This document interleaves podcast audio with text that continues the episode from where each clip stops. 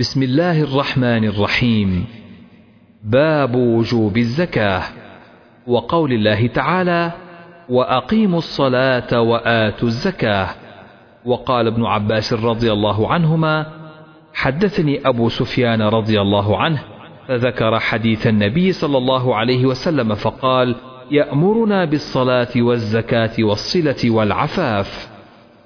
حدثنا أبو عاصم الضحاك بن مخلد عن زكريا بن إسحاق عن يحيى بن عبد الله بن صيفي عن أبي معبد عن ابن عباس رضي الله عنهما أن النبي صلى الله عليه وسلم بعث معاذ رضي الله عنه إلى اليمن فقال ادعهم إلى شهادة أن لا إله إلا الله وأني رسول الله فانهم أطاعوا لذلك فأعلمهم أن الله قد افترض عليهم خمس صلوات في كل يوم وليلة. فإنهم أطاعوا لذلك فأعلمهم أن الله افترض عليهم صدقة في أموالهم تؤخذ من أغنيائهم وترد على فقرائهم. حدثنا حفص بن عمر حدثنا شعبة عن ابن عثمان بن عبد الله بن موهب عن موسى بن طلحة عن أبي أيوب رضي الله عنه أن رجلا قال للنبي صلى الله عليه وسلم أخبرني بعمل يدخلني الجنة. قال ما له ما له وقال النبي صلى الله عليه وسلم أرب ما له تعبد الله ولا تشرك به شيئا وتقيم الصلاة وتؤتي الزكاة وتصل الرحم. وقال بهز حدثنا شعبة حدثنا محمد بن عثمان وأبوه عثمان بن عبد الله أنهما سمعا موسى بن طلحة عن أبي أيوب بهذا. قال أبو عبد الله أخشى أن يكون محمد غير محفوظ إنما هو عمرو. حدثني محمد بن عبد الرحيم حدثنا عفان بن مسلم حدثنا وهيب عن يحيى بن سعيد بن حيان عن أبي زرعة عن أبي هريرة رضي الله عنه أن أعرابيا أتى النبي صلى الله عليه وسلم فقال دلني على عمل إذا عملته دخلت الجنة. قال تعبد الله لا تشرك به شيئا. وتقيم الصلاة المكتوبة وتؤدي الزكاة المفروضة وتصوم رمضان. قال والذي نفسي بيده لا أزيد على هذا. فلما ولى قال النبي صلى الله عليه وسلم من سره أن ينظر إلى رجل من أهل الجنة فلينظر إلى هذا. حدثنا مسدد عن يحيى عن أبي حيان قال أخبرني أبو زرعة عن النبي صلى الله عليه وسلم بهذا. حدثنا حجاج حدثنا حماد بن زيد حدثنا أبو جمرة.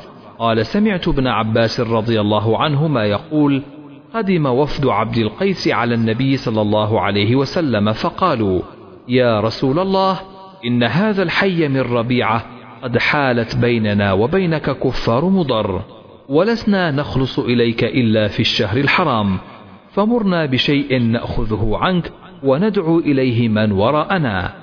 قال آمركم بأربع وأنهاكم عن أربع الإيمان بالله وشهادة أن لا إله إلا الله وعقد بيده هكذا وإقام الصلاة وإيتاء الزكاة وأن تؤدوا خمس ما غنمتم وأنهاكم عن الدباء والحنتم والنقير والمزفت. وقال سليمان وأبو النعمان عن حماد الإيمان بالله شهادة أن لا إله إلا الله. حدثنا أبو اليمان الحكم بن نافع أخبرنا شعيب بن أبي حمزة عن الزهري حدثنا عبيد الله بن عبد الله بن عتبة بن مسعود أن أبا هريرة رضي الله عنه قال لما توفي رسول الله صلى الله عليه وسلم وكان أبو بكر رضي الله عنه وكفر من كفر من العرب فقال عمر رضي الله عنه كيف تقاتل الناس وقد قال رسول الله صلى الله عليه وسلم أمرت أن أقاتل الناس حتى يقولوا لا إله إلا الله فمن قالها فقد عصم مني ماله ونفسه إلا بحقه وحسابه على الله.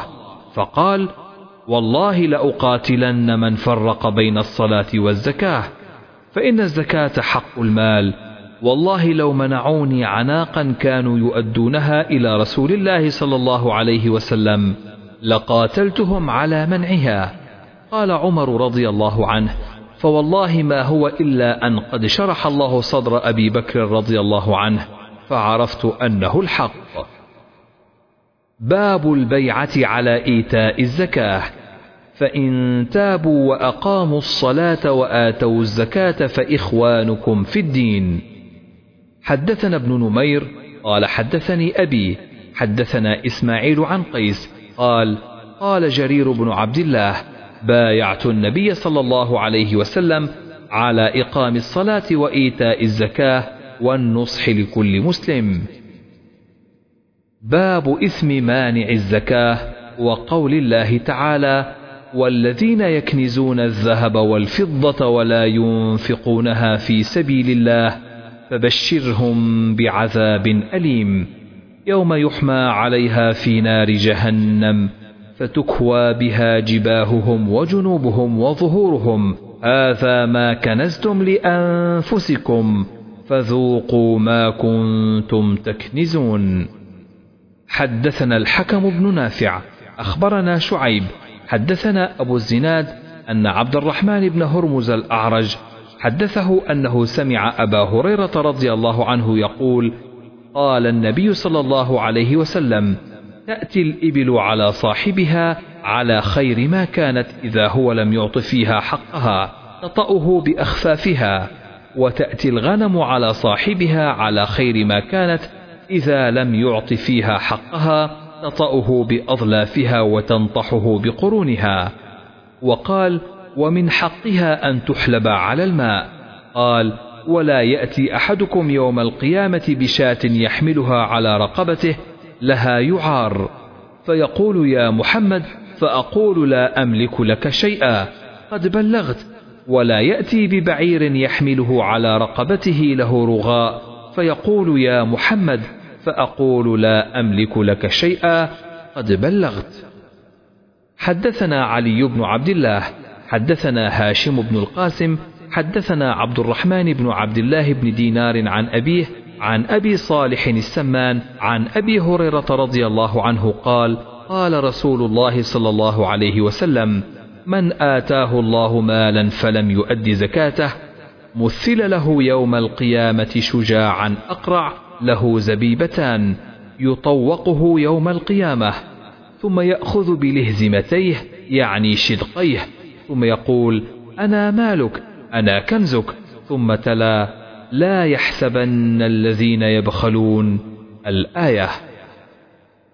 باب ما أدي زكاته فليس بكنز لقول النبي صلى الله عليه وسلم ليس فيما دون خمسة أواق صدقة.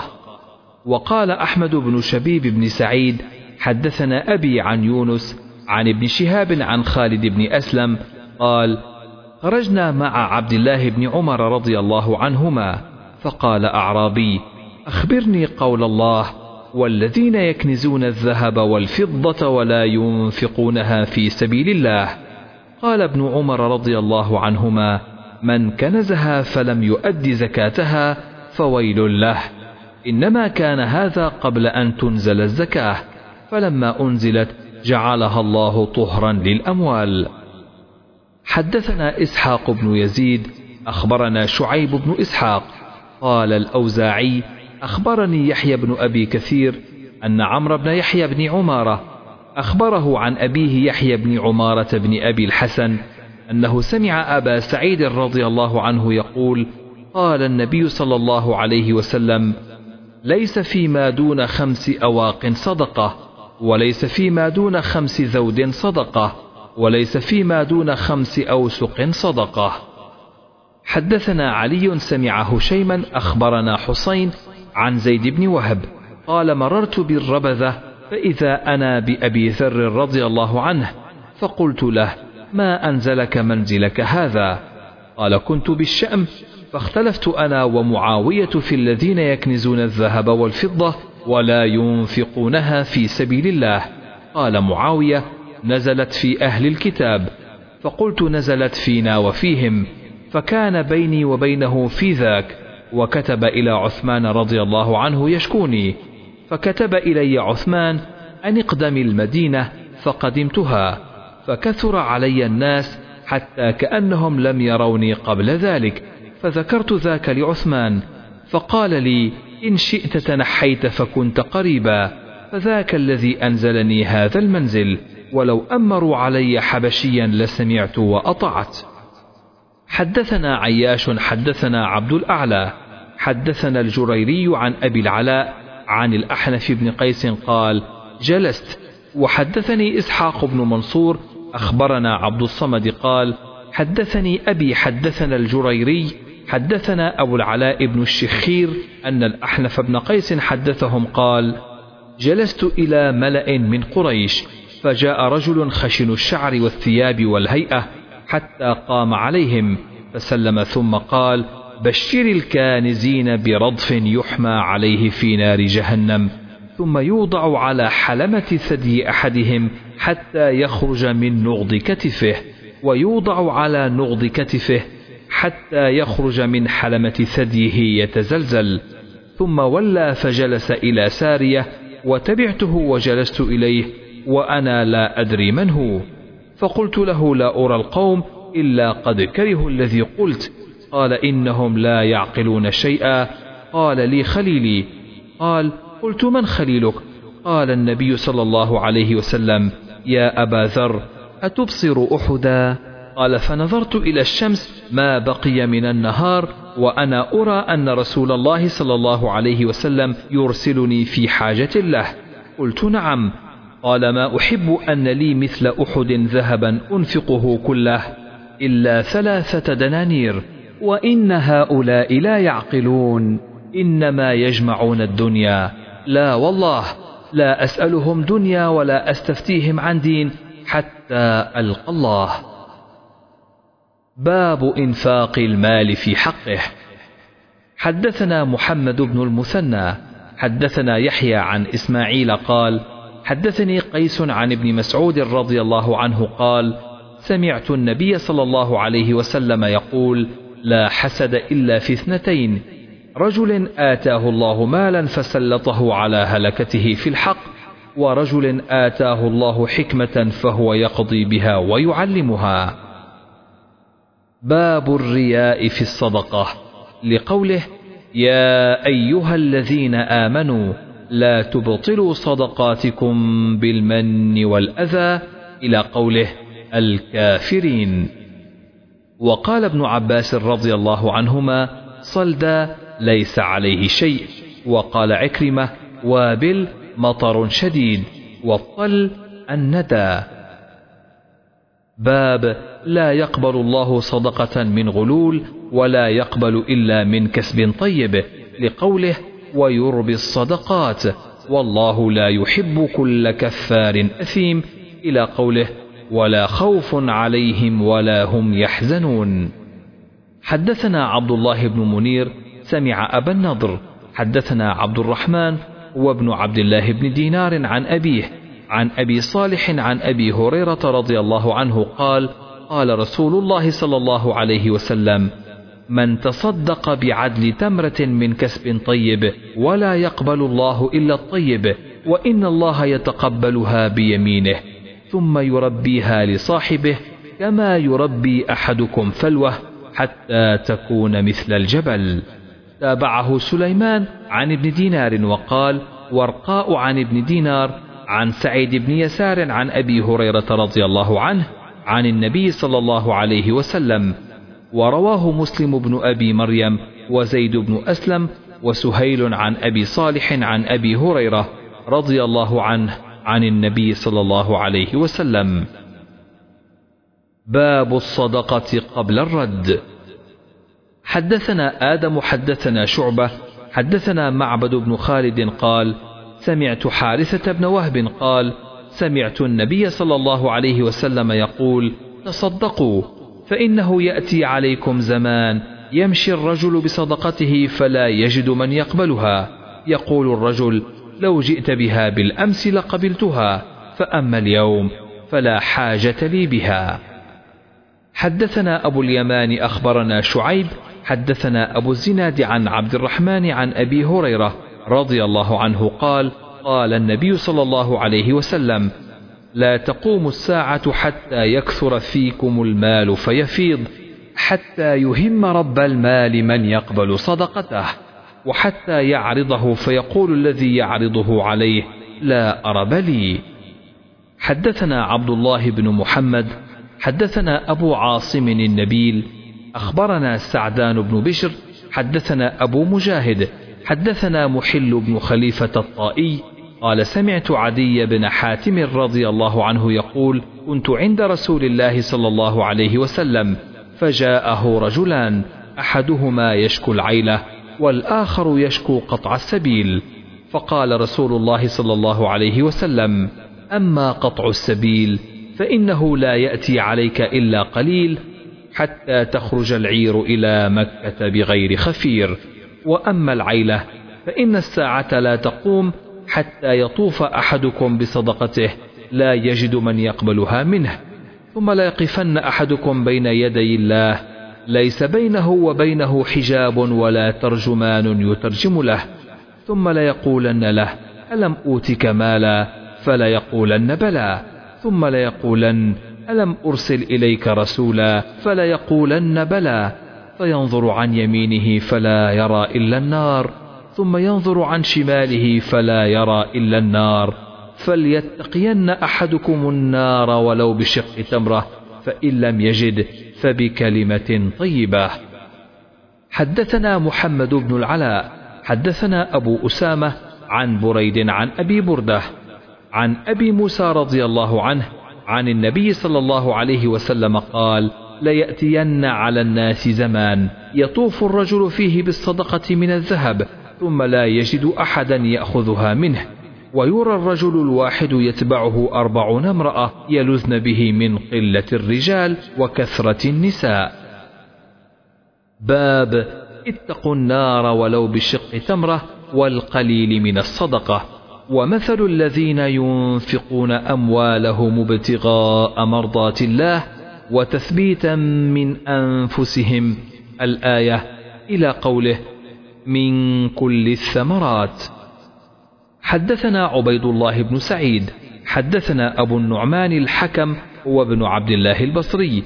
حدثنا شعبة عن سليمان عن أبي وائل عن أبي مسعود رضي الله عنه قال لما نزلت آية الصدقة كنا نحامل فجاء رجل فتصدق بشيء كثير فقالوا مرائي وجاء رجل فتصدق بصاع فقالوا إن الله لغني عن صاع هذا فنزلت الذين يلمزون المطوعين من المؤمنين في الصدقات والذين لا يجدون إلا جهدهم.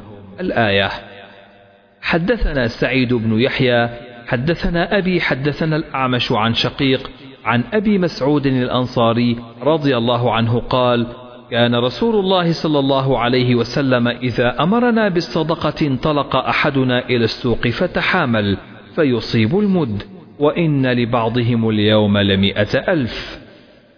حدثنا سليمان بن حرب حدثنا شعبة عن أبي إسحاق قال سمعت عبد الله بن معقل قال سمعت عدي بن حاتم رضي الله عنه قال سمعت رسول الله صلى الله عليه وسلم يقول اتقوا النار ولو بشق تمرة.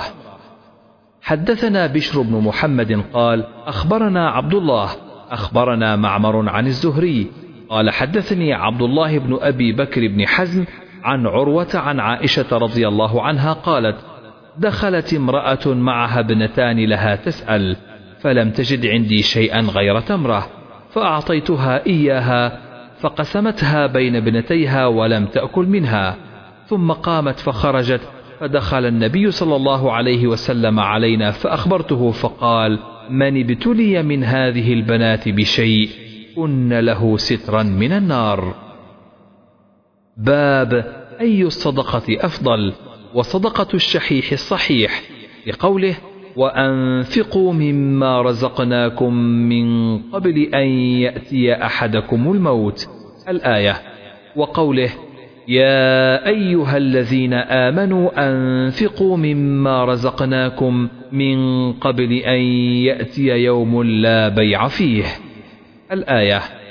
حدثنا موسى بن إسماعيل حدثنا عبد الواحد حدثنا عمارة بن القعقاع حدثنا أبو زرعة حدثنا أبو هريرة رضي الله عنه قال جاء رجل إلى النبي صلى الله عليه وسلم فقال يا رسول الله أي الصدقة أعظم أجرا؟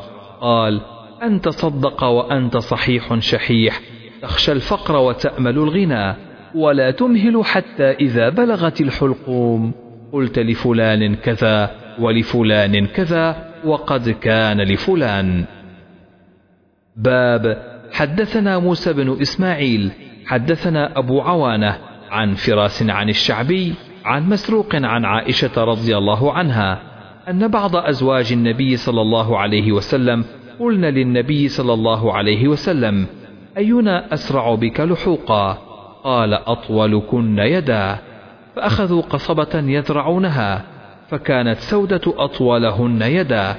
فعلمنا بعد أن ما كانت طول يدها الصدقة وكانت أسرعنا لحوقا به وكانت تحب الصدقة. باب صدقة العلانية. قوله الذين ينفقون أموالهم بالليل والنهار سرا وعلانية إلى قوله ولا هم يحزنون. باب صدقة السر.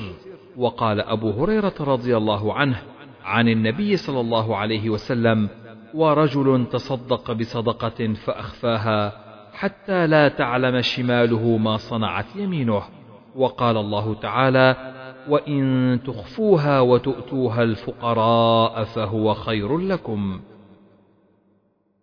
باب إذا تصدق على غني وهو لا يعلم. حدثنا أبو اليمان أخبرنا شعيب حدثنا أبو الزناد عن الأعرج عن أبي هريرة رضي الله عنه أن رسول الله صلى الله عليه وسلم قال قال رجل لأتصدقن بصدقة فخرج بصدقته فوضعها في يد سارق فأصبحوا يتحدثون تصدق على سارق فقال اللهم لك الحمد لأتصدقن بصدقة فخرج بصدقته فوضعها في يدي زانية.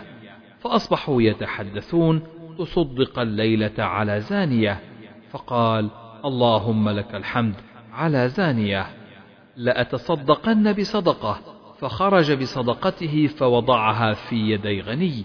فأصبحوا يتحدثون تصدق على غني فقال اللهم لك الحمد على سارق وعلى زانية وعلى غني.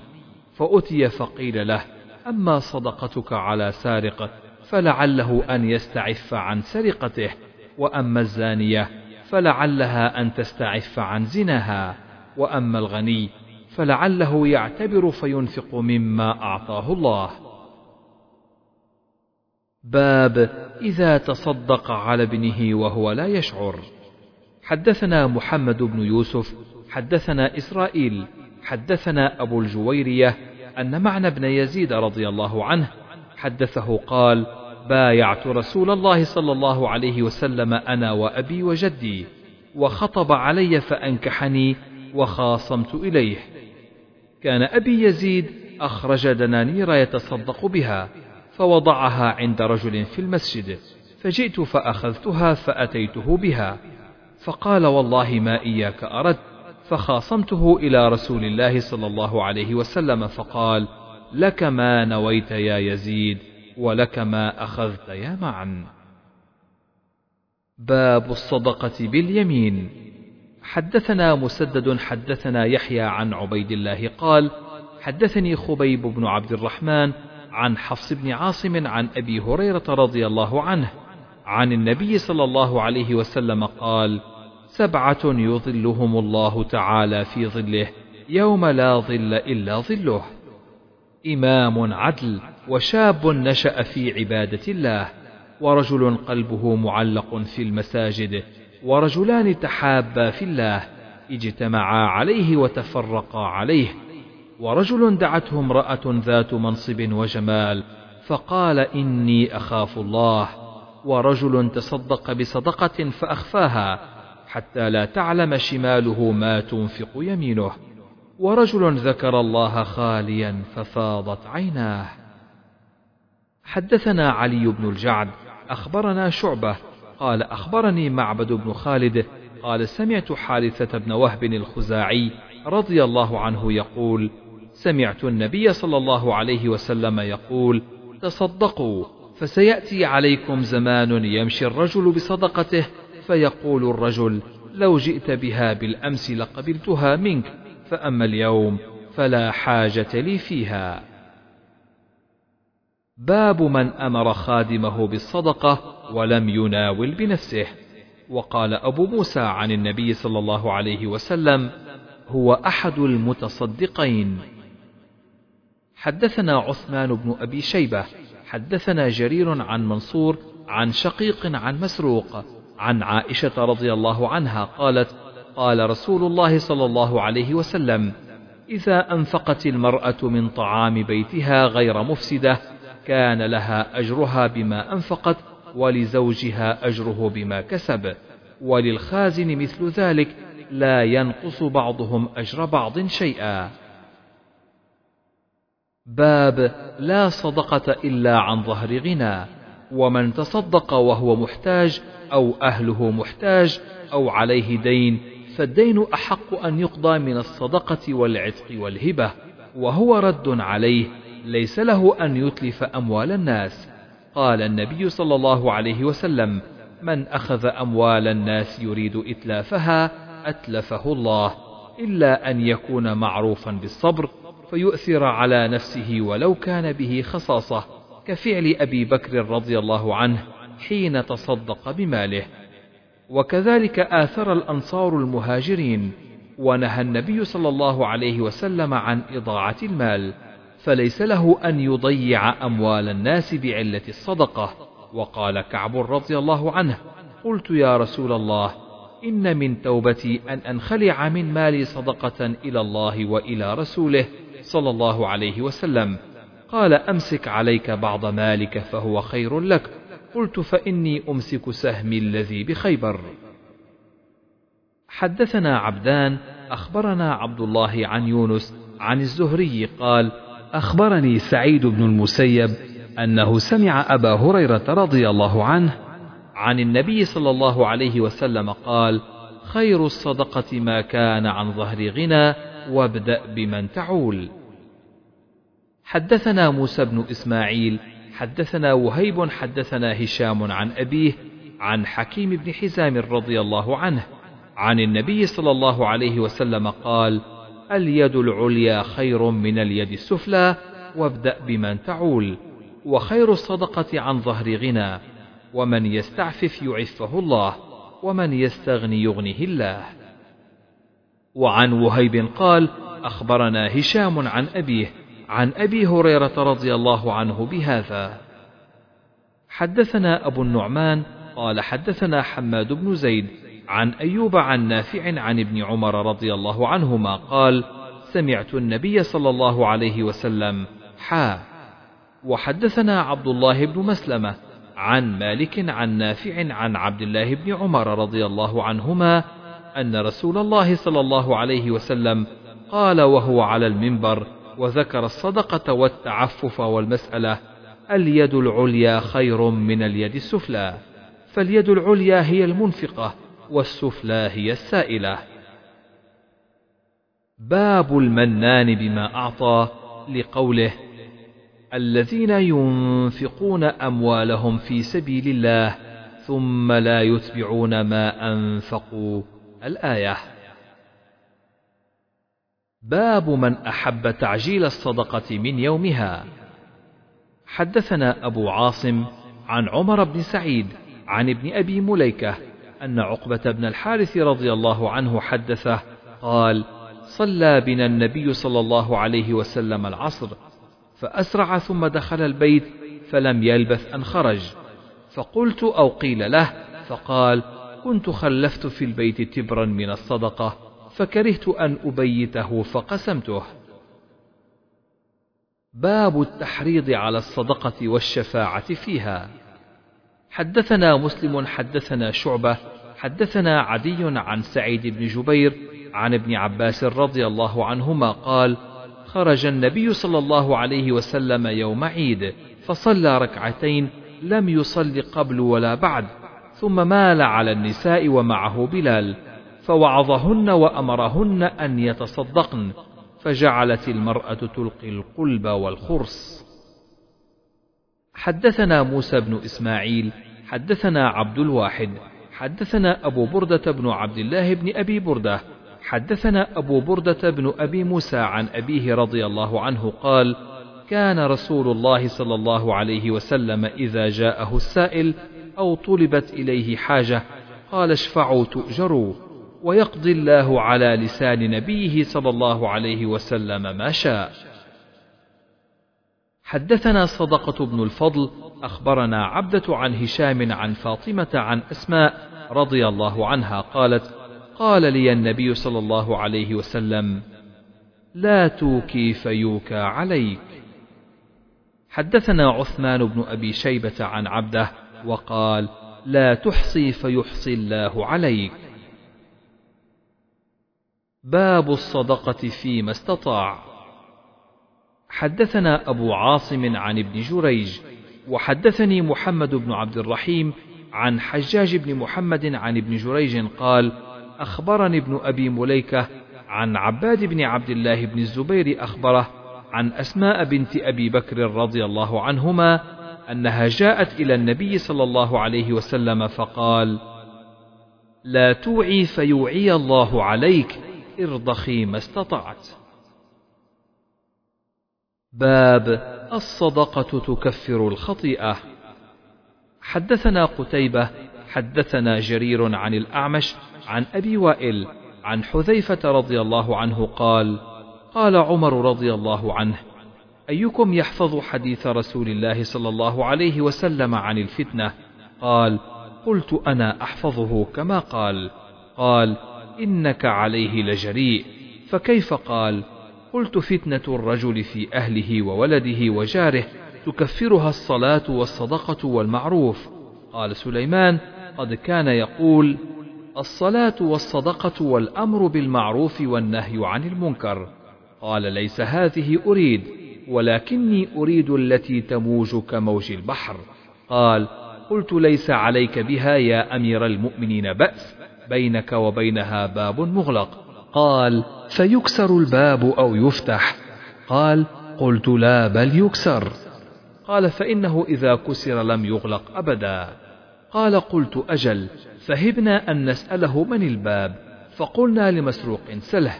قال: فسأله فقال عمر رضي الله عنه قال قلنا فعلم عمر من تعني قال نعم كما أن دون غد ليلة وذلك أني حدثته حديثا ليس بالأغاليط. باب من تصدق في الشرك ثم أسلم. حدثنا عبد الله بن محمد حدثنا هشام حدثنا معمر عن الزهري عن عروة عن حكيم بن حزام رضي الله عنه قال: قلت يا رسول الله: أرأيت أشياء كنت أتحنث بها في الجاهلية؟ من صدقة أو عتاقة وصلة رحم فهل فيها من أجر؟ فقال النبي صلى الله عليه وسلم: أسلمت على ما سلف من خير.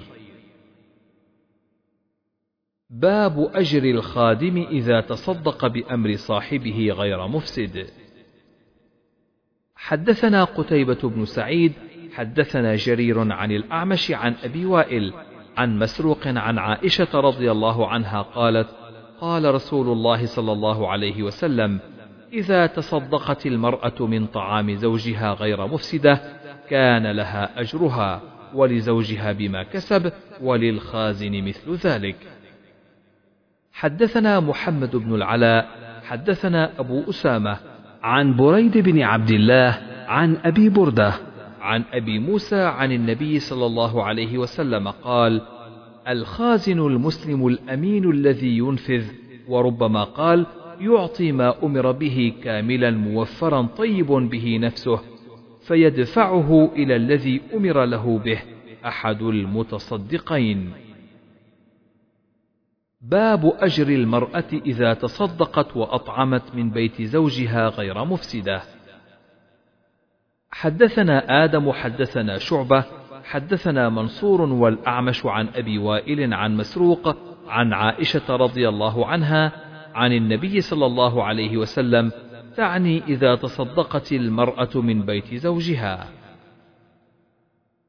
حدثنا عمر بن حفص حدثنا أبي حدثنا الأعمش عن شقيق عن مسروق عن عائشة رضي الله عنها قالت: قال النبي صلى الله عليه وسلم: إذا أطعمت المرأة من بيت زوجها غير مفسدة لها أجرها وله مثله وللخازن مثل ذلك له بما اكتسب ولها بما أنفقت. حدثنا يحيى بن يحيى أخبرنا جرير عن منصور عن شقيق عن مسروق عن عائشة رضي الله عنها عن النبي صلى الله عليه وسلم قال إذا أنفقت المرأة من طعام بيتها غير مفسدة فلها أجرها وللزوج بما اكتسب وللخازن مثل ذلك. باب قول الله تعالى فأما من أعطى واتقى وصدق بالحسنى فسنيسره لليسرى وأما من بخل واستغنى وكذب بالحسنى فسنيسره للعسرى.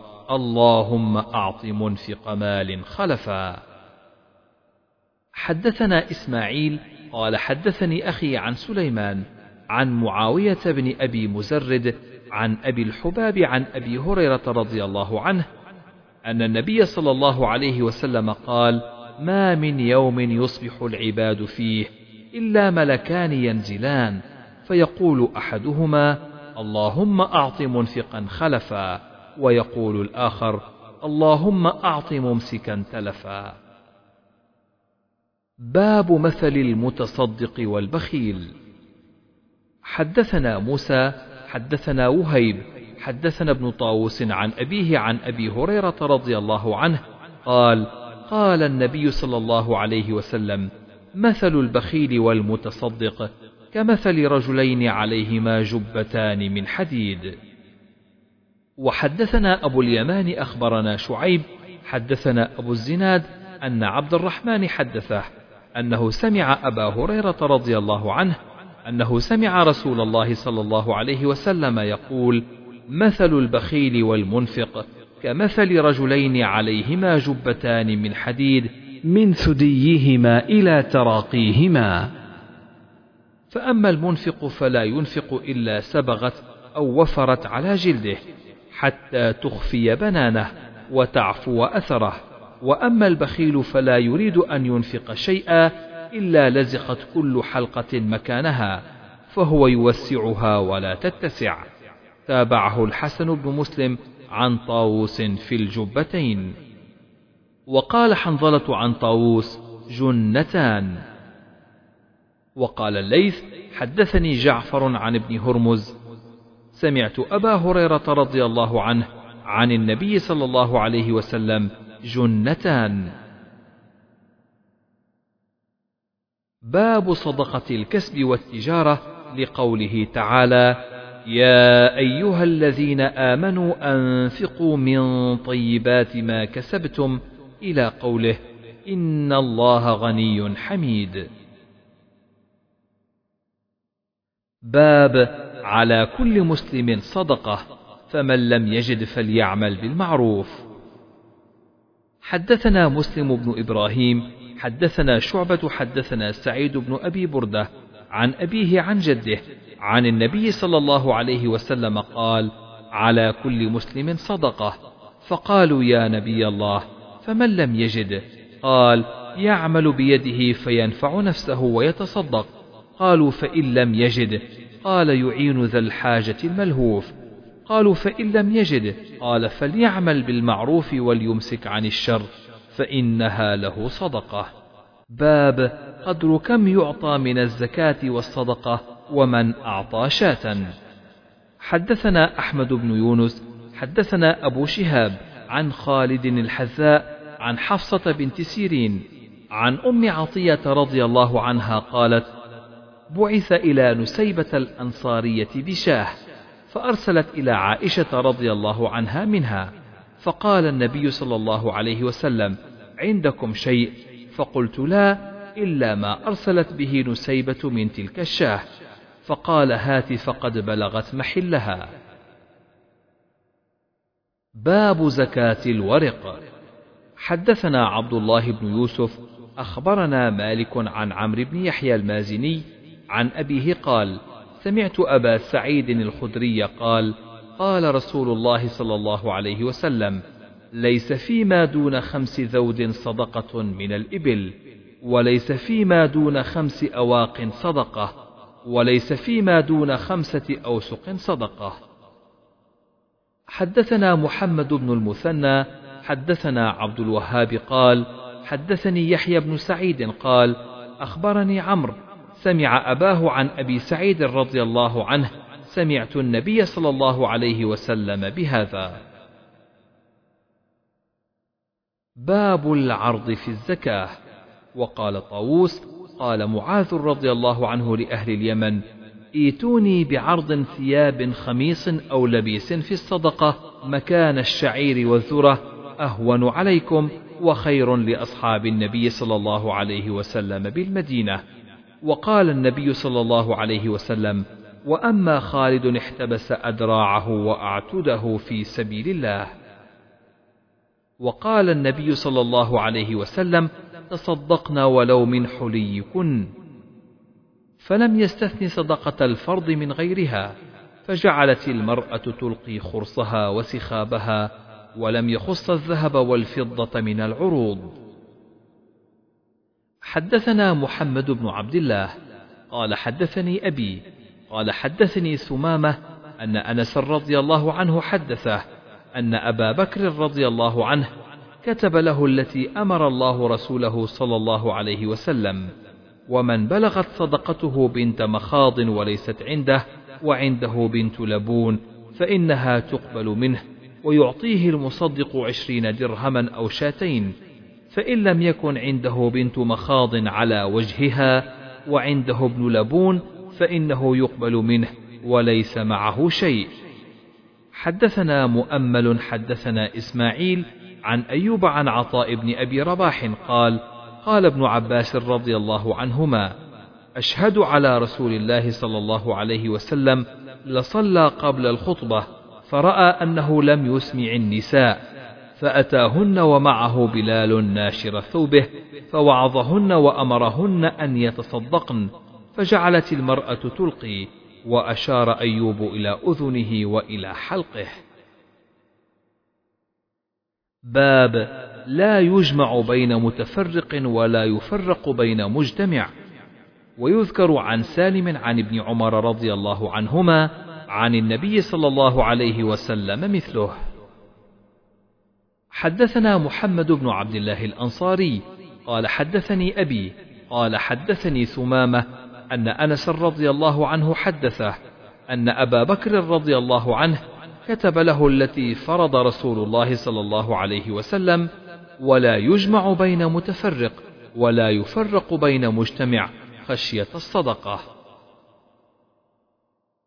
باب ما كان من خليطين فإنهما يتراجعان بينهما بالسوية. وقال طاووس وعطاء إذا علم الخليطان أموالهما فلا يجمع مالهما.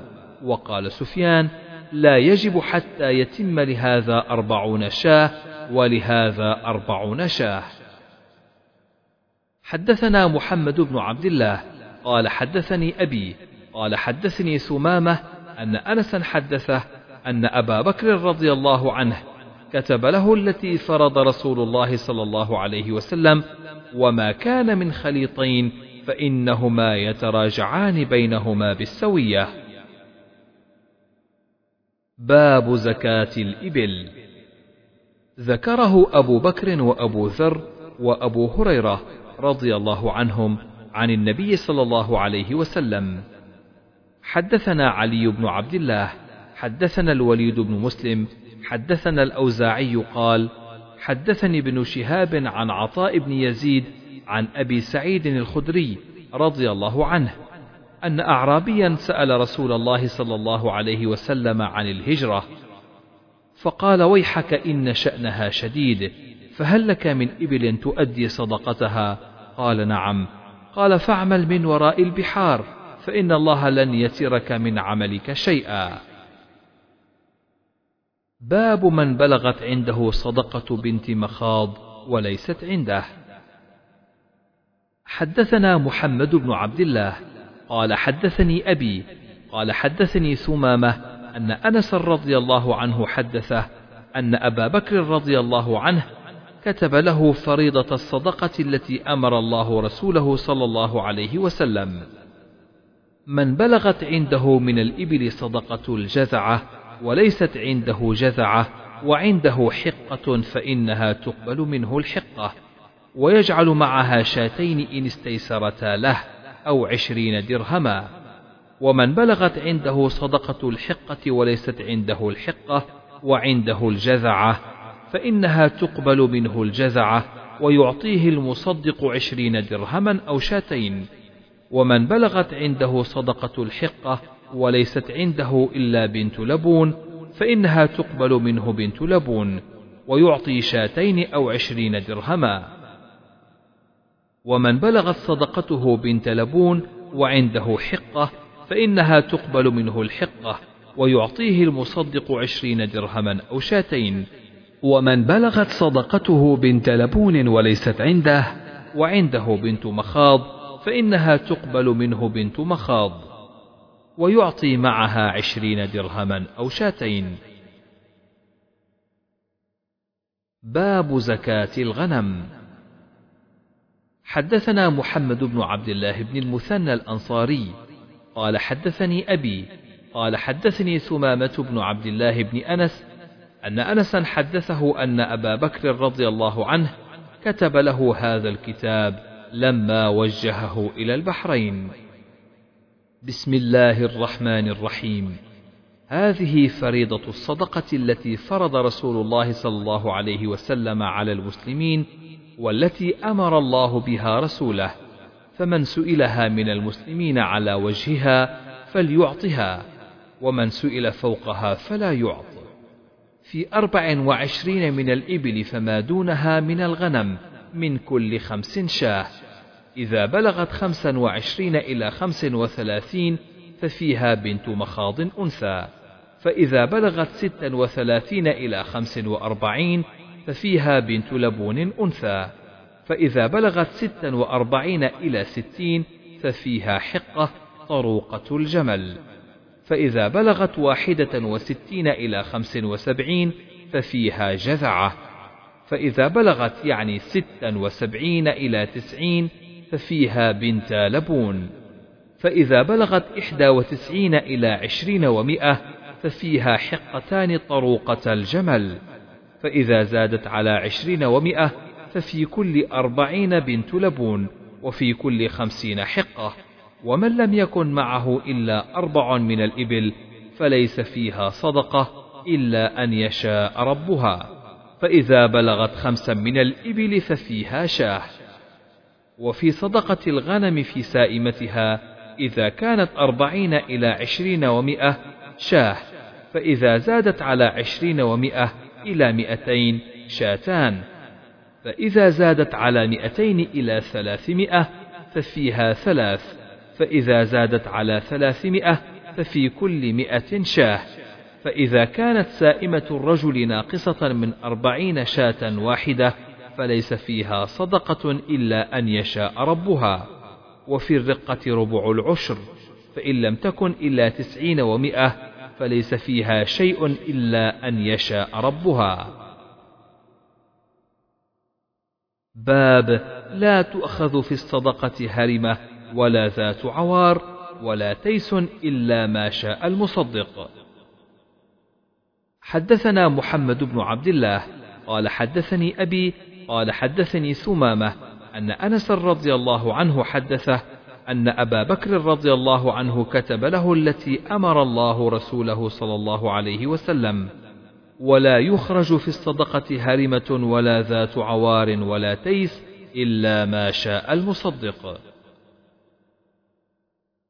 باب أخذ العناق في الصدقة. حدثنا أبو اليمان أخبرنا شعيب عن الزهري. حا. وقال الليث حدثني عبد الرحمن بن خالد عن ابن شهاب عن عبيد الله بن عبد الله بن عتبة بن مسعود أن أبا هريرة رضي الله عنه قال: قال أبو بكر رضي الله عنه والله لو منعوني عناقا كانوا يؤدونها إلى رسول الله صلى الله عليه وسلم لقاتلتهم على منعها. قال عمر رضي الله عنه فما هو إلا أن رأيت أن شرح الله صدر أبي بكر رضي الله عنه بالقتال فعرفت أنه الحق. باب لا تؤخذ كرائم أموال الناس في الصدقة. حدثنا أمية بن بسطام حدثنا يزيد بن زريع حدثنا روح بن القاسم عن إسماعيل بن أمية عن يحيى بن عبد الله بن صيفي عن أبي معبد عن ابن عباس رضي الله عنهما أن رسول الله صلى الله عليه وسلم لما بعث معاذ رضي الله عنه على اليمن قال إنك تقدم على قوم أهل كتاب فليكن أول ما تدعوهم إليه عبادة الله. فإذا عرفوا الله فأخبرهم أن الله قد فرض عليهم خمس صلوات في يومهم وليلتهم. فإذا فعلوا فأخبرهم أن الله فرض عليهم زكاة من أموالهم وترد على فقرائهم فإذا أطاعوا بها فخذ منهم وتوق كرائم أموال الناس. باب ليس فيما دون خمس ذود صدقة. حدثنا عبد الله بن يوسف أخبرنا مالك عن محمد بن عبد الرحمن بن أبي صعصعة المازني عن أبيه عن أبي سعيد الخدري رضي الله عنه أن رسول الله صلى الله عليه وسلم قال: ليس فيما دون خمسة أوسق من التمر صدقة، وليس فيما دون خمس أواق من الورق صدقة، وليس فيما دون خمس ذود من الإبل صدقة. باب زكاة البقر وقال أبو حميد قال النبي صلى الله عليه وسلم لأعرفن ما جاء الله رجل ببقرة لها خوار ويقال جؤار. تجأرون ترفعون أصواتكم كما تجأر البقرة. حدثنا عمر بن حفص بن غياث حدثنا أبي حدثنا الأعمش عن المعرور بن سويد عن أبي ذر رضي الله عنه قال انتهيت إلى النبي صلى الله عليه وسلم. قال والذي نفسي بيده.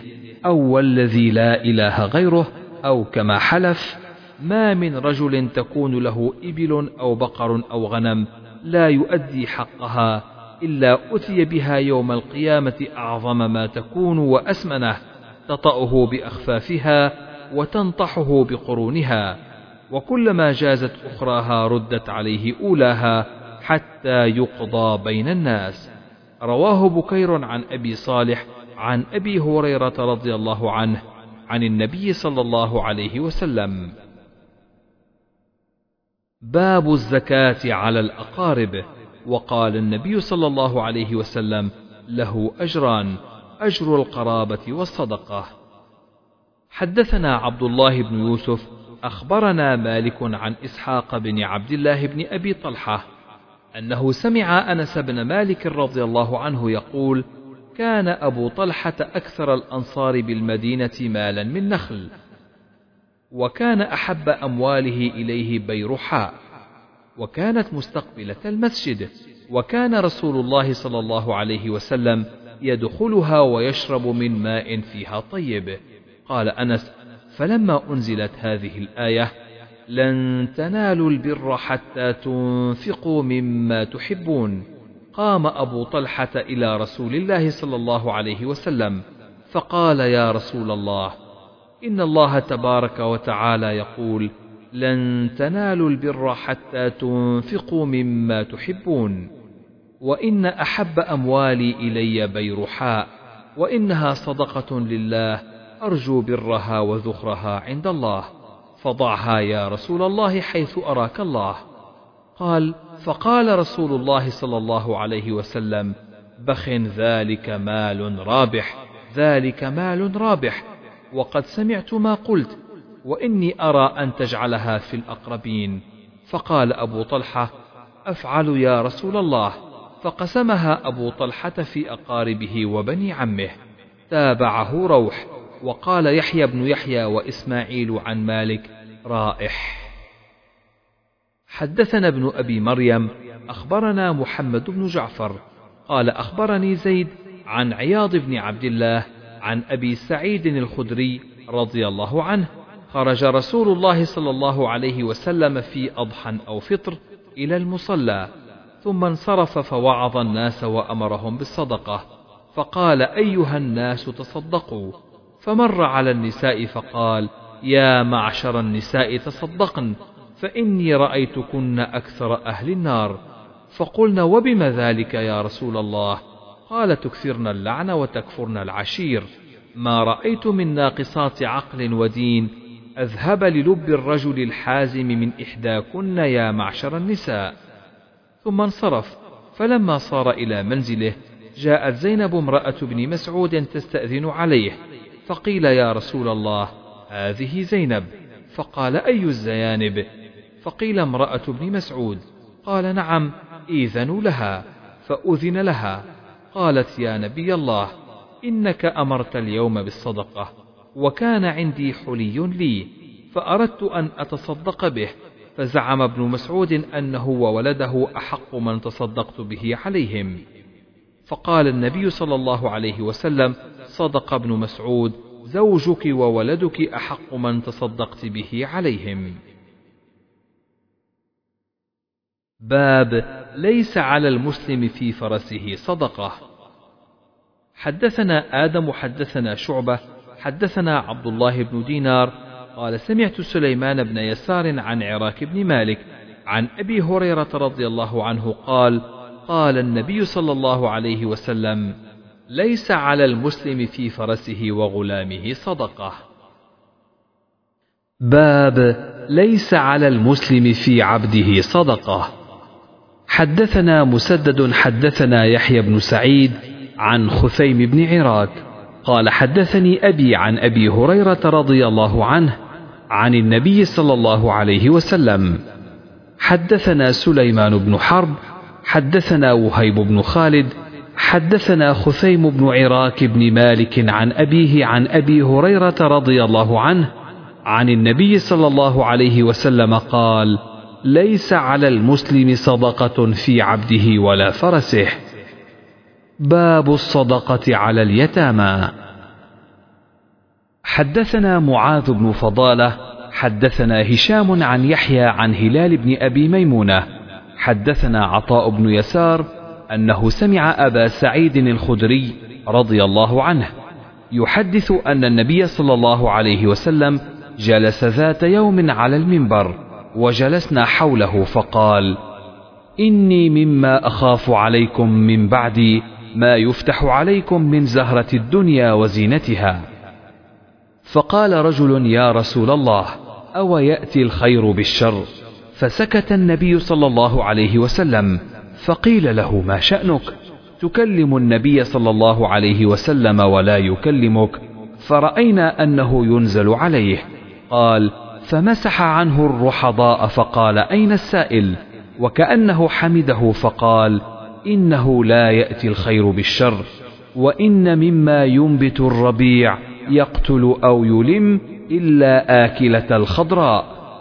أكلت حتى إذا امتدت خاصرتاها استقبلت عين الشمس فثلطت وبالت ورتعت وإن هذا المال خضرة حلوة فنعم صاحب المسلم ما أعطى منه المسكين واليتيم وابن السبيل أو كما قال النبي صلى الله عليه وسلم وإنه من يأخذه بغير حقه كالذي يأكل ولا يشبع ويكون شهيدا عليه يوم القيامة.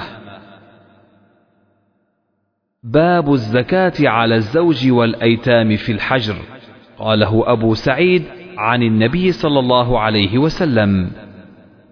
حدثنا عمر بن حفص حدثنا أبي حدثنا الأعمش قال حدثني شقيق عن عمرو بن الحارث عن زينب امرأة عبد الله رضي الله عنه قال فذكرته لإبراهيم فحدثني إبراهيم عن أبي عبيدة عن عمرو بن الحارث عن زينب امرأة عبد الله بمثله سواء. قالت كنت في المسجد فرأيت النبي صلى الله عليه وسلم فقال تصدقن ولو من حليكن. وكانت زينب تنفق على عبد الله وأيتام في حجرها.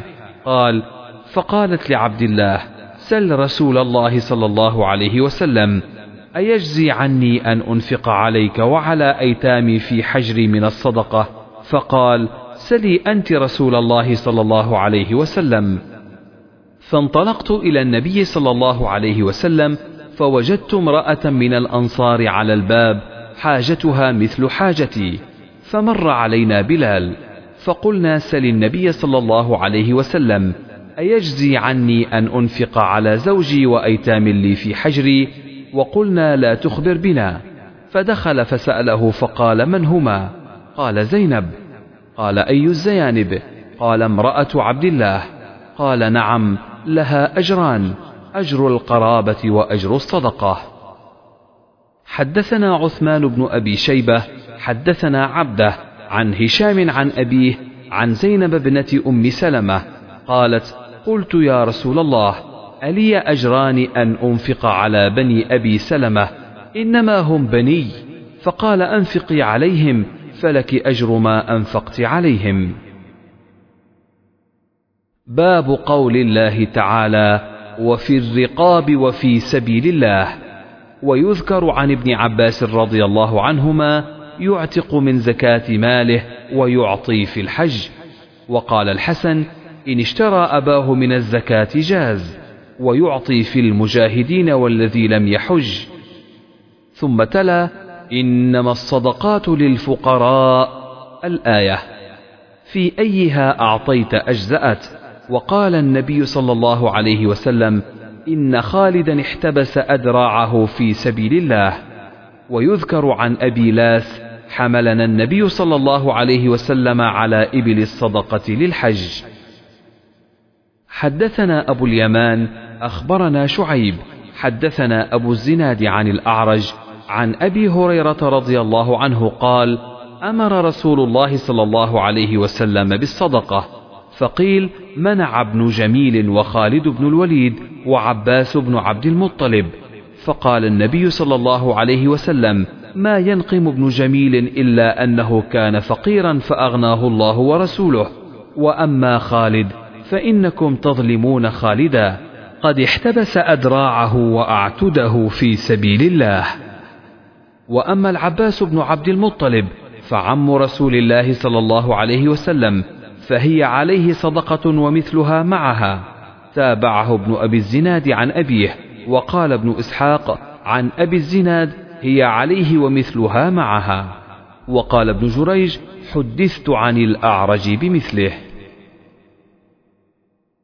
باب الاستعفاف عن المسألة. حدثنا عبد الله بن يوسف أخبرنا مالك عن ابن شهاب عن عطاء بن يزيد الليثي عن أبي سعيد الخدري رضي الله عنه أن ناسا من الأنصار سألوا رسول الله صلى الله عليه وسلم فأعطاهم ثم سألوه فأعطاهم حتى نفد ما عنده فقال ما يكون عندي من خير فلن أدخره عنكم ومن يستعفف يعفه الله ومن يستغني يغنه الله ومن يتصبر يصبره الله وما أعطي أحد عطاء خيرا وأوسع من الصبر.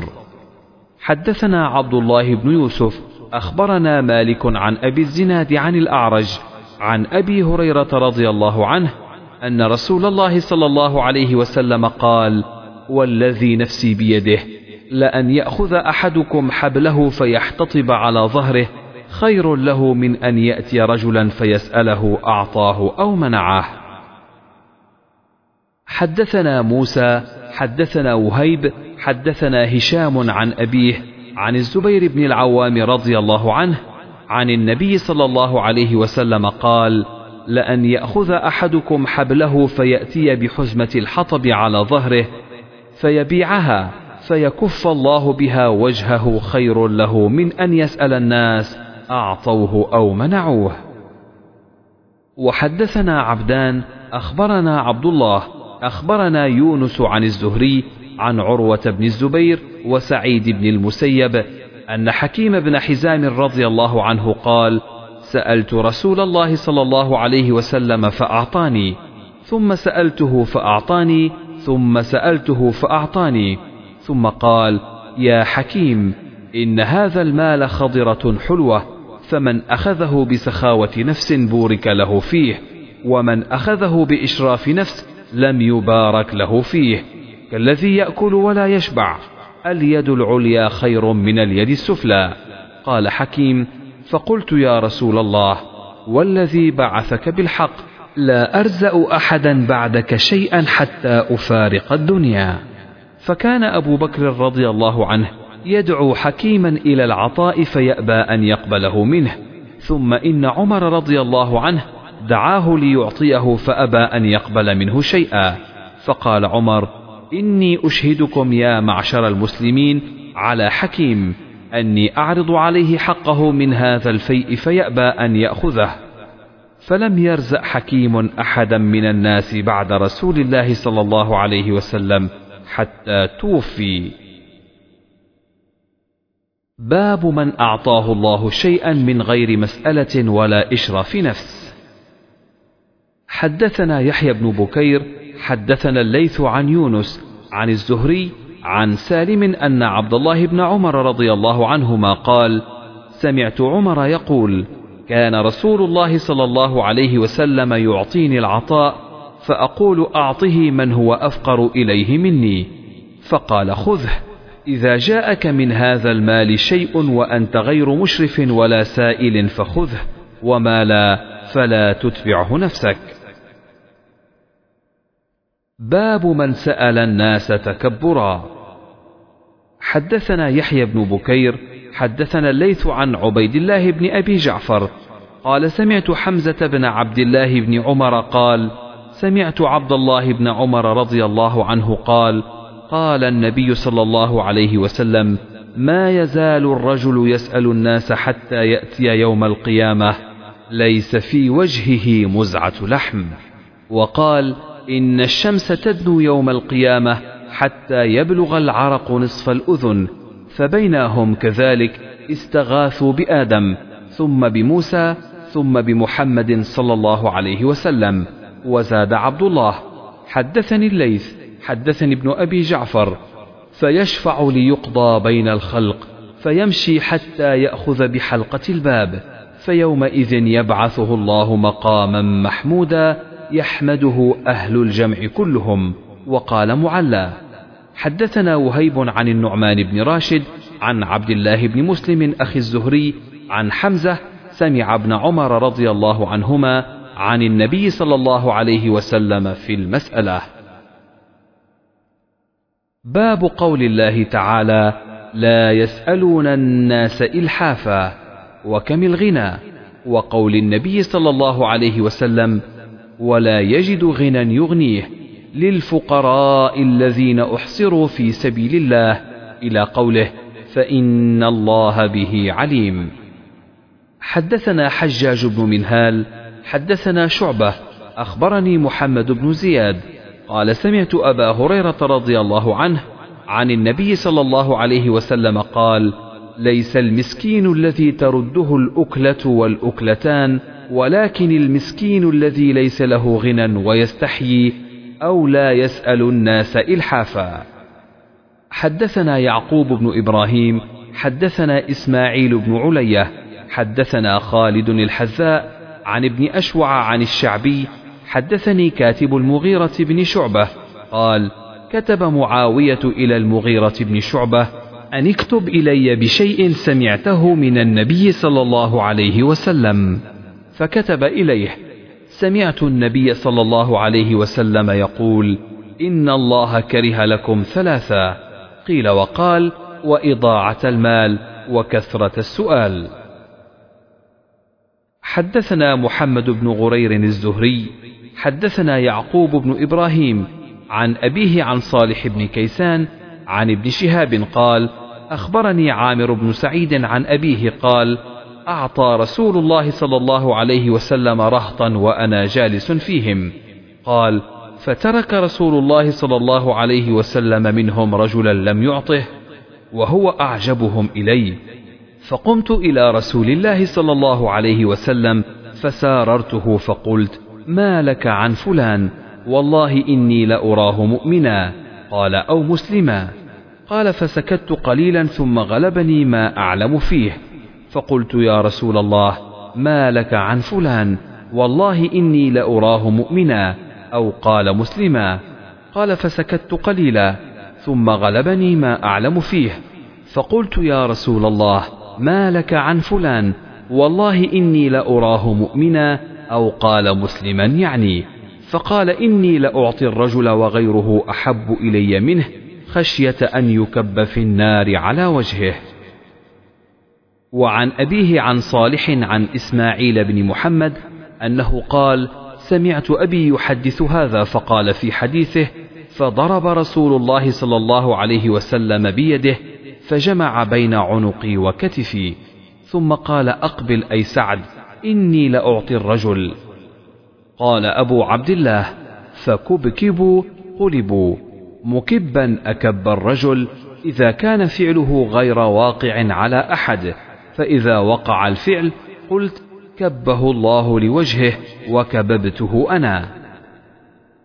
حدثنا إسماعيل بن عبد الله قال حدثني مالك عن أبي الزناد عن الأعرج عن أبي هريرة رضي الله عنه أن رسول الله صلى الله عليه وسلم قال ليس المسكين الذي يطوف على الناس ترده اللقمة واللقمتان والتمرة والتمرتان ولكن المسكين الذي لا يجد غنى يغنيه ولا يفطن به فيتصدق عليه ولا يقوم فيسأل الناس.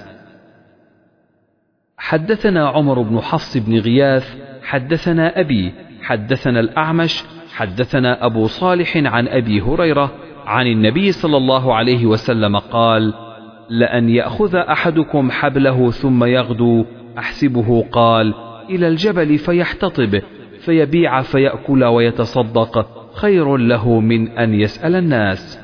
قال أبو عبد الله صالح بن كيسان أكبر من الزهري وهو قد أدرك ابن عمر. باب خرص التمر. حدثنا سهل بن بكار حدثنا وهيب عن عمرو بن يحيى عن عباس الساعدي عن أبي حميد الساعدي قال غزونا مع النبي صلى الله عليه وسلم غزوة تبوك فلما جاء وادي القرى إذا امرأة في حديقة لها. فقال النبي صلى الله عليه وسلم لأصحابه اخرصوا. وخرص رسول الله صلى الله عليه وسلم عشرة أوسق. فقال لها أحصي ما يخرج منها. فلما أتينا تبوك قال أما إنها ستهب الليلة ريح شديدة فلا يقومن أحد ومن كان معه بعير فليعقله. فعقلناها وهبت ريح شديدة فقام رجل فألقته بجبل طيء وأهدى ملك أيلة للنبي صلى الله عليه وسلم بغلة بيضاء وكساه بردا وكتب له ببحرهم. فلما أتى وادي القرى قال للمرأة كم جاء حديقتك؟ قالت عشرة أوسق. خرس رسول الله صلى الله عليه وسلم. فقال النبي صلى الله عليه وسلم إني متعجل إلى المدينة فمن أراد منكم أن يتعجل معي فليتعجل. فلما قال ابن بكار كلمة معناها أشرف على المدينة قال هذه طابة. فلما رأى أحدا قال هذا جبيل يحبنا ونحبه. ألا أخبركم بخير دور الأنصار؟ قالوا بلى. قال دور بني النجار ثم دور بني عبد الأشهل ثم دور بني ساعدة أو دور بني الحارث بن الخزرج وفي كل دور الأنصار يعني خيرا. وقال سليمان بن بلال حدثني عمرو ثم دار بني الحارث ثم بني ساعدة. وقال سليمان عن سعد بن سعيد عن عمارة بن غزية عن عباس عن أبيه عن النبي صلى الله عليه وسلم قال أحد جبل يحبنا ونحبه. قال أبو عبد الله كل بستان عليه حائط فهو حديقة وما لم يكن عليه حائط لم يقل حديقة. باب العشر فيما يسقى من ماء السماء وبالماء الجاري ولم ير عمر بن عبد العزيز في العسل شيئا. حدثنا سعيد بن أبي مريم حدثنا عبد الله بن وهب قال أخبرني يونس بن يزيد عن الزهري عن سالم بن عبد الله عن أبيه رضي الله عنه عن النبي صلى الله عليه وسلم قال فيما سقت السماء والعيون أو كان عثريا العشر وما سقي بالنضح نصف العشر قال أبو عبد الله هذا تفسير الأول لأنه لم يوقت في الأول يعني حديث ابن عمر وفيما سقت السماء العشر وبين في هذا ووقت والزيادة مقبولة والمفسر يقضي على المبهم إذا رواه أهل الثبت. كما روى الفضل بن عباس أن النبي صلى الله عليه وسلم لم يصلي في الكعبة وقال بلال قد صلى. فأخذ بقول بلال وترك قول الفضل. باب ليس فيما دون خمسة أوسق صدقة. حدثنا مسدد حدثنا يحيى حدثنا مالك قال حدثني محمد بن عبد الله بن عبد الرحمن بن أبي صعصعة عن أبيه عن أبي سعيد الخدري رضي الله عنه عن النبي صلى الله عليه وسلم قال ليس فيما أقل من خمسة أوسق صدقة. ولا في أقل من خمسة من الإبل الذود صدقة ولا في أقل من خمس أواق من الورق صدقة. قال أبو عبد الله هذا تفسير الأول إذا قال ليس فيما دون خمسة أوسق صدقة ويؤخذ أبدا في العلم بما زاد أهل الثبت أو بينوا. باب أخذ صدقة التمر عند صرام النخل. وهل يترك الصبي فيمس تمر الصدقة؟ حدثنا عمر بن محمد بن الحسن الأسدي حدثنا أبي حدثنا إبراهيم بن طهمان عن محمد بن زياد عن أبي هريرة رضي الله عنه قال كان رسول الله صلى الله عليه وسلم يؤتى بالتمر عند صرام النخل فيجيء هذا بتمره وهذا من تمره حتى يصير عنده كوما من تمر. فجعل الحسن والحسين رضي الله عنهما يلعبان بذلك التمر فأخذ أحدهما تمرة فجعله في فيه فنظر إليه رسول الله صلى الله عليه وسلم فأخرجها من فيه فقال أما علمت أن آل محمد صلى الله عليه وسلم لا يأكلون الصدقة؟ باب من باع ثماره أو نخله أو أرضه أو زرعه وقد وجب فيه العشر أو الصدقة فأدى الزكاة من غيره أو باع ثماره ولم تجب فيه الصدقة. وقول النبي صلى الله عليه وسلم لا تبيع الثمرة حتى يبدو صلاحها فلم يحظر البيع بعد الصلاح على أحد ولم يخص من وجب عليه الزكاة ممن لم تجب. حدثنا حجاج حدثنا شعبة أخبرني عبد الله بن دينار سمعت ابن عمر رضي الله عنهما نهى النبي صلى الله عليه وسلم عن بيع الثمرة حتى يبدو صلاحها وكان إذا سئل عن صلاحها قال حتى تذهب عاهته. حدثنا عبد الله بن يوسف حدثني الليث حدثني خالد بن يزيد عن عطاء بن أبي رباح عن جابر بن عبد الله رضي الله عنهما نهى النبي صلى الله عليه وسلم عن بيع الثمار حتى يبدو صلاحها. حدثنا قتيبة عن مالك عن حميد عن أنس بن مالك رضي الله عنه أن رسول الله صلى الله عليه وسلم نهى عن بيع الثمار حتى تزهي. قال حتى تحمار. باب هل يشتري صدقته؟ ولا بأس أن يشتري صدقته غيره. لأن النبي صلى الله عليه وسلم إنما نهى المتصدق خاصة عن الشراء ولم ينه غيره. حدثنا يحيى بن بكير حدثنا الليث عن عقيل عن ابن شهاب عن سالم أن عبد الله بن عمر رضي الله عنهما كان يحدث أن عمر بن الخطاب تصدق بفرس في سبيل الله فوجده يباع فأراد أن يشتريه ثم أتى النبي صلى الله عليه وسلم فاستأمره فقال لا تعد في صدقتك. فبذلك كان ابن عمر رضي الله عنهما لا يترك أن يبتاع شيئا تصدق به إلا جعله صدقة. حدثنا عبد الله بن يوسف أخبرنا مالك بن أنس عن زيد بن أسلم عن أبيه قال سمعت عمر رضي الله عنه يقول حملت على فرس في سبيل الله فأضاعه الذي كان عنده. فأردت أن أشتريه وظننت أنه يبيعه برخص. فسألت النبي صلى الله عليه وسلم فقال لا تشتري ولا تعد في صدقتك وإن أعطاكه بدرهم فإن العائد في صدقته كالعائد في قيئه. باب ما يذكر في الصدقة للنبي صلى الله عليه وسلم. حدثنا آدم حدثنا شعبة حدثنا محمد بن زياد قال سمعت أبا هريرة رضي الله عنه قال أخذ الحسن بن علي رضي الله عنهما تمرة من تمر الصدقة فجعلها في فيه. فقال النبي صلى الله عليه وسلم كخ كخ ليطرحها. ثم قال أما شعرت أنا لا نأكل الصدقة؟ باب الصدقة على موالي أزواج النبي صلى الله عليه وسلم. حدثنا سعيد بن عفير حدثنا ابن وهب عن يونس عن ابن شهاب. حدثني عبيد الله بن عبد الله عن ابن عباس رضي الله عنهما قال وجد النبي صلى الله عليه وسلم شاة ميتة أعطيتها مولاة لميمونة من الصدقة. قال النبي صلى الله عليه وسلم هل انتفعتم بجلدها؟ قالوا إنها ميتة. قال إنما حرم أكلها.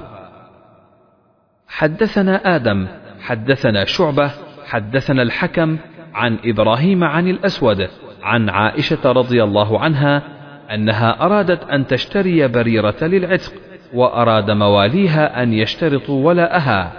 فذكرت عائشة للنبي صلى الله عليه وسلم فقال لها النبي صلى الله عليه وسلم اشتريها فإنما الولاء لمن أعتق.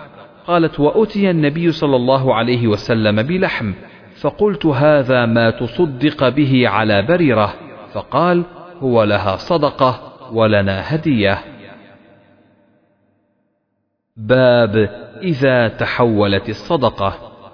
حدثنا علي بن عبد الله حدثنا يزيد بن زريع حدثنا خالد عن حفصة بنت سيرين عن أم عطية الأنصارية رضي الله عنها قالت دخل النبي صلى الله عليه وسلم على عائشة رضي الله عنها فقال هل عندكم شيء؟ فقالت لا إلا شيء بعثت به إلينا نسيبة من الشاة التي بعثت بها من الصدقة فقال إنها قد بلغت محلها. حدثنا يحيى بن موسى حدثنا وكيع حدثنا شعبة عن قتادة عن أنس رضي الله عنه أن النبي صلى الله عليه وسلم أتي بلحم تصدق به على بريرة فقال هو عليها صدقة وهو لنا هدية وقال أبو داود أنبأنا شعبة عن قتادة سمع أنسا عن النبي صلى الله عليه وسلم باب أخذ الصدقة من الأغنياء وترد في الفقراء حيث كانوا. حدثنا محمد أخبرنا عبد الله أخبرنا زكريا بن إسحاق عن يحيى بن عبد الله بن صيفي عن أبي معبد مولى بن عباس عن ابن عباس رضي الله عنهما قال قال رسول الله صلى الله عليه وسلم لمعاذ بن جبل حين بعثه إلى اليمن إنك ستأتي قوما أهل كتاب فإذا جئتهم فادعهم إلى أن يشهدوا أن لا إله إلا الله وأن محمد رسول الله فإنهم أطاعوا لك بذلك فأخبرهم أن الله قد فرض عليهم خمس صلوات في كل يوم وليلة فإنهم أطاعوا لك بذلك فأخبرهم أن الله قد فرض عليهم صدقة تؤخذ من أغنيائهم فترد على فقرائهم فإنهم أطاعوا لك بذلك فإياك وكرائم أموالهم واتق دعوة المظلوم فإنه ليس بينه وبين الله حجاب. باب صلاة الإمام ودعائه لصاحب الصدقة وقوله خذ من أموالهم صدقة تطهرهم وتزكيهم بها وصل عليهم إن صلاتك سكن لهم. حدثنا حفص بن عمر حدثنا شعبة عن عمرو عن عبد الله بن أبي أوفى قال كان النبي صلى الله عليه وسلم إذا أتاه قوم بصدقتهم قال اللهم صل على آل فلان فأتاه أبي بصدقته فقال اللهم صل على آل أبي أوفى باب ما يستخرج من البحر. وقال ابن عباس رضي الله عنهما ليس العنبر بركاز وهو شيء دسره البحر. وقال الحسن في العنبر واللؤلؤ الخمس فإنما جعل النبي صلى الله عليه وسلم في الركاز الخمس ليس في الذي يصاب في الماء.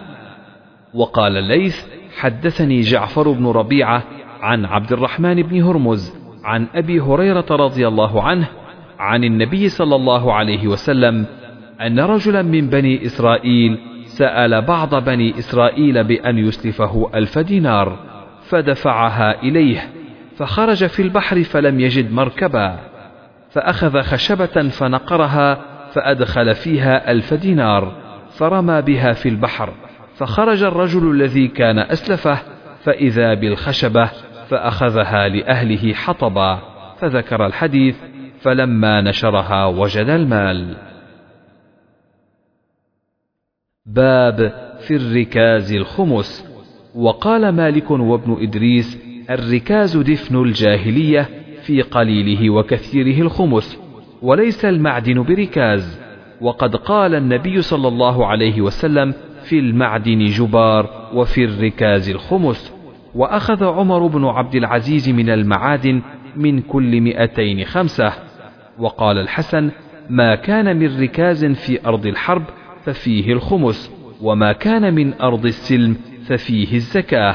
وإن وجدت اللقطة في أرض العدو فعرفها وإن كانت من العدو ففيها الخمس.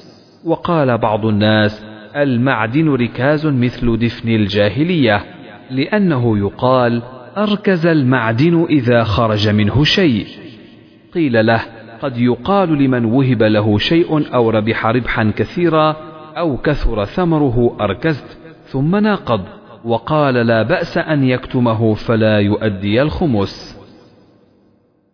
حدثنا عبد الله بن يوسف أخبرنا مالك عن ابن شهاب عن سعيد بن المسيب وعن أبي سلمة بن عبد الرحمن عن أبي هريرة رضي الله عنه أن رسول الله صلى الله عليه وسلم قال العجماء جبار والبئر جبار والمعدن جبار وفي الركاز الخمس. باب قول الله تعالى والعاملين عليها ومحاسبة المصدقين مع الإمام. حدثنا يوسف بن موسى حدثنا أبو أسامة أخبرنا هشام بن عروة عن أبيه عن أبي حميد الساعدي رضي الله عنه قال استعمل رسول الله صلى الله عليه وسلم رجلا من الأسد على صدقات بني سليم يدعى ابن اللتبية فلما جاء حاسبه. باب استعمال إبل الصدقة وألبانها لأبناء السبيل.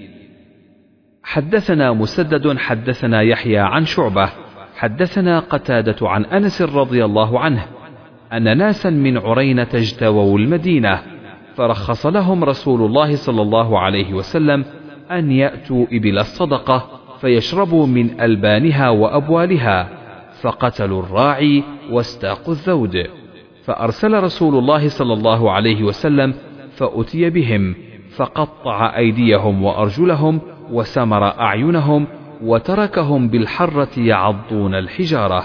تابعه أبو قلابة وحميد وثابت عن أنس. باب وسم الإمام إبل الصدقة بيده. حدثنا إبراهيم بن المنذر حدثنا الوليد حدثنا أبو عمرو الأوزاعي حدثنا إسحاق بن عبد الله بن أبي طلحة حدثني آنس بن مالك رضي الله عنه قال غدوت إلى رسول الله صلى الله عليه وسلم بعبد الله بن أبي طلحة ليحنكه فوافيته في يده الميسم يسم إبل الصدقة. بسم الله الرحمن الرحيم. باب فرض صدقة الفطر. ورأى أبو العالية وعطاء وابن سيرين صدقة الفطر فريضة.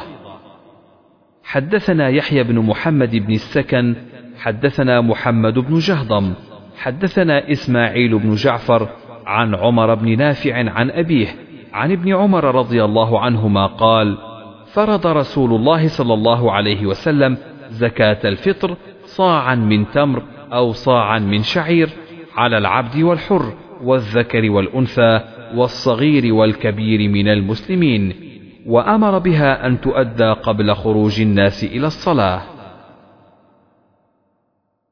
باب صدقة الفطر على العبد وغيره من المسلمين. حدثنا عبد الله بن يوسف أخبرنا مالك عن نافع عن ابن عمر رضي الله عنهما أن رسول الله صلى الله عليه وسلم فرض زكاة الفطر صاعا من تمر أو صاعا من شعير على كل حر أو عبد ذكر أو أنثى من المسلمين. باب صاع من شعير. حدثنا قبيصة حدثنا سفيان عن زيد بن أسلم عن عياض بن عبد الله عن أبي سعيد رضي الله عنه قال كنا نطعم الصدقة صاعا من شعير. باب صدقة الفطر صاعا من طعام. حدثنا عبد الله بن يوسف أخبرنا مالك عن زيد بن أسلم عن عياض بن عبد الله بن أبي سعد بن أبي سرح العامري أنه سمع أبا سعيد الخدري رضي الله عنه يقول كنا نخرج زكاة الفطر صاعا من طعام أو صاعا من شعير أو صاعا من تمر أو صاعا من أقط أو صاعا من زبيب. باب صدقة الفطر صاعا من تمر. حدثنا أحمد بن يونس حدثنا الليث عن نافع أن عبد الله قال أمر النبي صلى الله عليه وسلم بزكاة الفطر صاعا من تمر أو صاعا من شعير. قال عبد الله رضي الله عنه فجعل الناس عدله مدين من حنطة. باب صاع من زبيب. حدثنا عبد الله بن منير سمع يزيد العدني حدثنا سفيان عن زيد بن أسلم قال حدثني عياض بن عبد الله بن أبي سرح عن أبي سعيد الخدري رضي الله عنه قال كنا نعطيها في زمان النبي صلى الله عليه وسلم صاعا من طعام أو صاعا من تمر أو صاعا من شعير أو صاعا من زبيب. فلما جاء معاوية وجاءت السمراء قال أرى مدا من هذا يعدل مدين. باب الصدقة قبل العيد. حدثنا آدم حدثنا حفص بن ميسرة حدثنا موسى بن عقبة عن نافع عن ابن عمر رضي الله عنهما أن النبي صلى الله عليه وسلم أمر بزكاة الفطر قبل خروج الناس إلى الصلاة. حدثنا معاذ بن فضالة حدثنا أبو عمر عن زيد عن عياض بن عبد الله بن سعد عن أبي سعيد الخدري رضي الله عنه قال كنا نخرج في عهد رسول الله صلى الله عليه وسلم يوم الفطر صاعا من طعام وقال أبو سعيد وكان طعامنا الشعير والزبيب والأقط والتمر. باب صدقة الفطر على الحر والمملوك. وقال الزهري في المملوكين للتجارة يزكى في التجارة ويزكى في الفطر. حدثنا أبو النعمان حدثنا حماد بن زيد حدثنا أيوب عن نافع عن ابن عمر رضي الله عنهما قال فرض النبي صلى الله عليه وسلم صدقة الفطر أو قال رمضان على الذكر والأنثى والحر والمملوك. صاعا من تمر أو صاعا من شعير. فعدل الناس به نصف صاع من بر. فكان ابن عمر رضي الله عنهما يعطي التمر. فأعوز أهل المدينة من التمر. فأعطى شعيرا. فكان ابن عمر يعطي عن الصغير والكبير. حتى إن كان يعطي عن بني. وكان ابن عمر رضي الله عنهما يعطيها الذين يقبلونها. وكانوا يعطون قبل الفطر بيوم أو يومين. باب صدقة الفطر على الصغير والكبير. حدثنا مسدد حدثنا يحيى عن عبيد الله قال حدثني نافع عن ابن عمر رضي الله عنه قال فرض رسول الله صلى الله عليه وسلم صدقة الفطر صاعا من شعير أو صاعا من تمر على الصغير والكبير والحر والمملوك.